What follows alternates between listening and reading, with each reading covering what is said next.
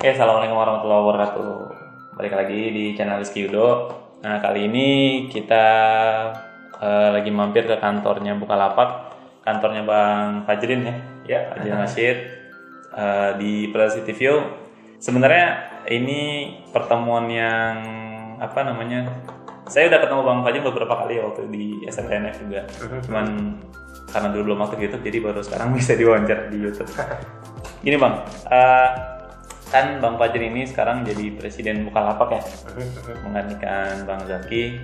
Sebenarnya Bukalapak itu awal mulanya gimana sih Bang? Sampai akhirnya bisa sebesar sekarang? Atau bahkan kalau saya baca berita itu orang suka ngebandingin Bukalapak dengan Tokopedia ya kan? Yang masalah eh, saya nggak tahu ya dalamnya kayak gimana. Cuman yang biasa dibandingin di berita tuh kayak cash flow. Tapi saya pribadi lebih serak dengan Bukalapak gitu. Meskipun dari Tokopedia-nya orang selalu bilang oh ini lebih gini lebih gini. Tapi entah gimana saya lebih ngerasa ya udah kalau mau belanja Bukalapak aja. Entah saya merasa suka dengan konten videonya gitu kan dengan apa.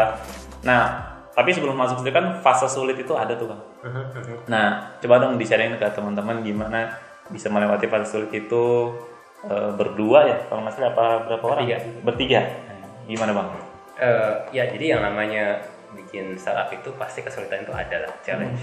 Eh, any bisnis sebenarnya nggak cuma startup aja itu pasti akan mengalami masalah. Yang paling penting adalah bagaimana kemudian kita melihat masalah itu untuk kemudian datang dengan solusi. Karena eh, startup atau bisnis pada umumnya itu ya kita bicara soal bagaimana solve the problem. Bagaimana kita bisa menawarkan solusi entah itu produk ataupun jasa kepada pelanggan kita, begitu kan? Jadi eh, kuncinya di situ. Bisnis apa pun adalah bagaimana kita bisa serve the customer. Nah, untuk startup digital terutama itu eh, ada suatu kelebihan juga di mana kita bicara soal data. Jadi setiap problem kita bisa lihat juga datanya seperti apa dengan mudah secara real time lagi. hmm. Jadi kalau ada masalah kita bisa langsung lihat data apa sih masalahnya begitu kan sehingga kita bisa pinpoint masalah dan kemudian eh, solusi yang sesuai juga apa misalnya kalau kita bicara Bukalapak sekarang itu kan ada eh, aplikasi Android, iOS, Iya.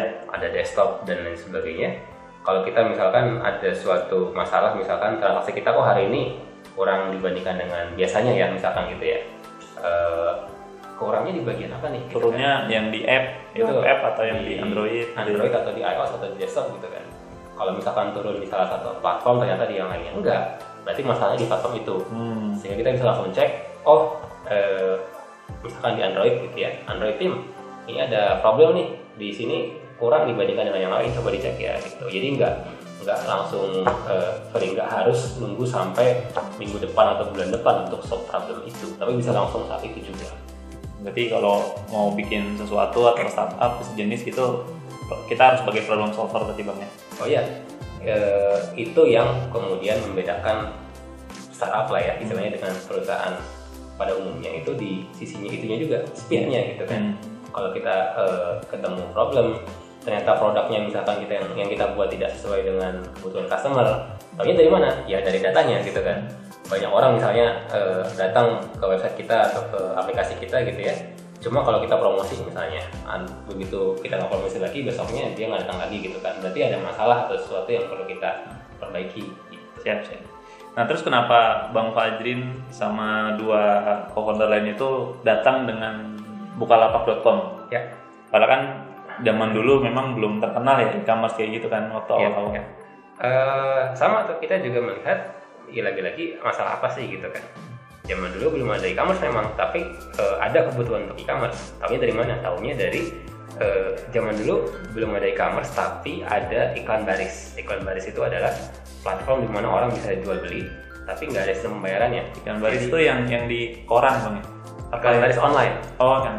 saya nggak perlu sebut lah tapi eh, intinya kita bisa jual beli barang di situ gitu ya upload Hmm. produk atau apa tapi nggak ada pembayarannya jadi kalau orang pengen bayar either transfer langsung kepada penjualnya atau eh, ketemuan gitu Hmm. nah itu eh, ada masalah di mana itu kurang aman Ya. ya kan Eh, banyak atau beberapa kasus eh, penjual yang berpura-pura sebagai penjual tapi sebenarnya penipu nah Bukalapak datang dengan e-commerce eh, konsep dengan sistem pembayaran yang aman melalui escrow system. Nah itu masalah yang kita uh, coba atasi. Nah berarti kalau misalkan karena gini teman-teman saya itu ngerasa, oh kayaknya kalau gue bikin sesuatu, gue ngikutin si ini nih, si abang ini sampai akhirnya mulai banyak duplikasi produk yang akhirnya nggak bisa mengalahkan pemain besar nih bang. Ya. Kayak dulu era-eranya ojek online, Ya. banyak banget tuh. Ya. Gojek, Grab terkenal, Uber terkenal, muncul lagi Jack-Jack yang lain gitu kan. Nah Ya. itu sebenarnya apa yang perlu kita pikirin biar kita bisa survive dan mungkin suatu saat bisa setara dengan pemain besar kayak Bukalapak. Ya, saya pikir eh, memang kalau untuk menjadi pemain ah, seperti Bukalapak atau eh, apa namanya Gojek eh, dan lain sebagainya sekarang, ya tentu memiliki challenge yang sangat sulit. Eh, yang lebih mudah adalah membuat startup atau perusahaan yang memiliki diferensiasi atau perbedaan dengan eh, yang ada sekarang. Makanya eh, ba- dan ini berlaku tidak hanya di Indonesia tapi juga di luar negeri juga. Eh, makanya banyak orang bilang bahwa eh, the next Google atau the next Facebook, eh, the next Google itu bukan search engine, the next Facebook bukan sosial media. Hmm. Kenapa? Karena kayaknya kalau untuk bikin search engine udah susah deh ngalahin Google. Iya, gitu benar. kan. Tapi akhirnya kemudian apa orang akhirnya bikin Facebook gitu kan. Eh, terus kemudian orang bikin yang lain lagi gitu kan, layanan yang agak berbeda dibandingkan dengan Facebook dan Google dan yang lainnya begitu. Jadi eh, saya juga kan kadang-kadang sempat jadi juri startup kompetisi dan lain sebagainya gitu ya. Eh, saya juga kadang-kadang melihat tuh orang bikin misalkan, oh saya pengen bikin marketplace eh, misalnya ya khusus untuk eh, daerah atau kota A gitu kan. Hmm.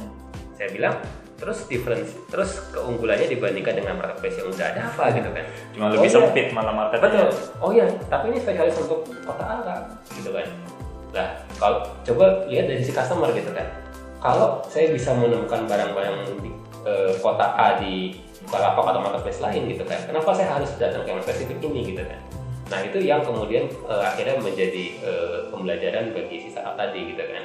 Nah, itu contoh bahwa eh, kita jangan cuma melihat atau eh, apa namanya eh, ya melihat suatu hal dari perspektif kita, tapi benar-benar masalah dari perspektif customer. Hmm. Itu yang mungkin menurut saya perlu dipertajam lah eh, untuk teman-teman yang baru mulai menggunakan atau membuat startup. Oke siap. Nah terakhir nih bang, sikap dari bang Fajrin nih untuk orang-orang yang suka bandingin dengan Tokopedia itu gimana bang? Saya pikir nggak ada masalah ya. Nggak ada masalah. Dalam arti eh, apa namanya bisnis is all about serving the customers. Hmm. dan eh, memiliki eh, apa namanya memiliki teman kalau saya menyebutnya gitu ya yang bergerak di industri yang sama itu tentu baik bagi industri itu sendiri gitu karena apa karena kita juga sama-sama untuk eh, terdorong untuk bisa lebih maju lagi gitu kan untuk bisa eh, berinovasi untuk kepentingan pelanggan kita tadi. Jadi eh, having a competitor is not a bad idea. Eh, itu merupakan pertanda juga bahwa jangan-jangan apa yang mau kita lakuin ini memang sesuatu yang secara market visible. Hmm. karena if you look the other way around gitu ya kalau saya bikin sesuatu hal nih yang sama sekali nggak ada orang lain yang bikin jangan-jangan emang nggak ada masalah. Ada Emang salah aja ya? gitu ya. Eh, kayak gitu kan. Misalkan saya pengen bikin eh, e-commerce untuk warga kelurahan saya misalkan gitu kan ya nggak ada yang bikin kenapa karena ada nggak ada gitu kan itu contoh aja Siap siap. Oke kalau gitu gitu aja teman-teman ya. Thank you bang Fajrin udah nyempatin waktunya datang ke channel yang belum berkembang ini. itu aja sampai ketemu di channel Rizky Udo di video berikutnya. Assalamualaikum.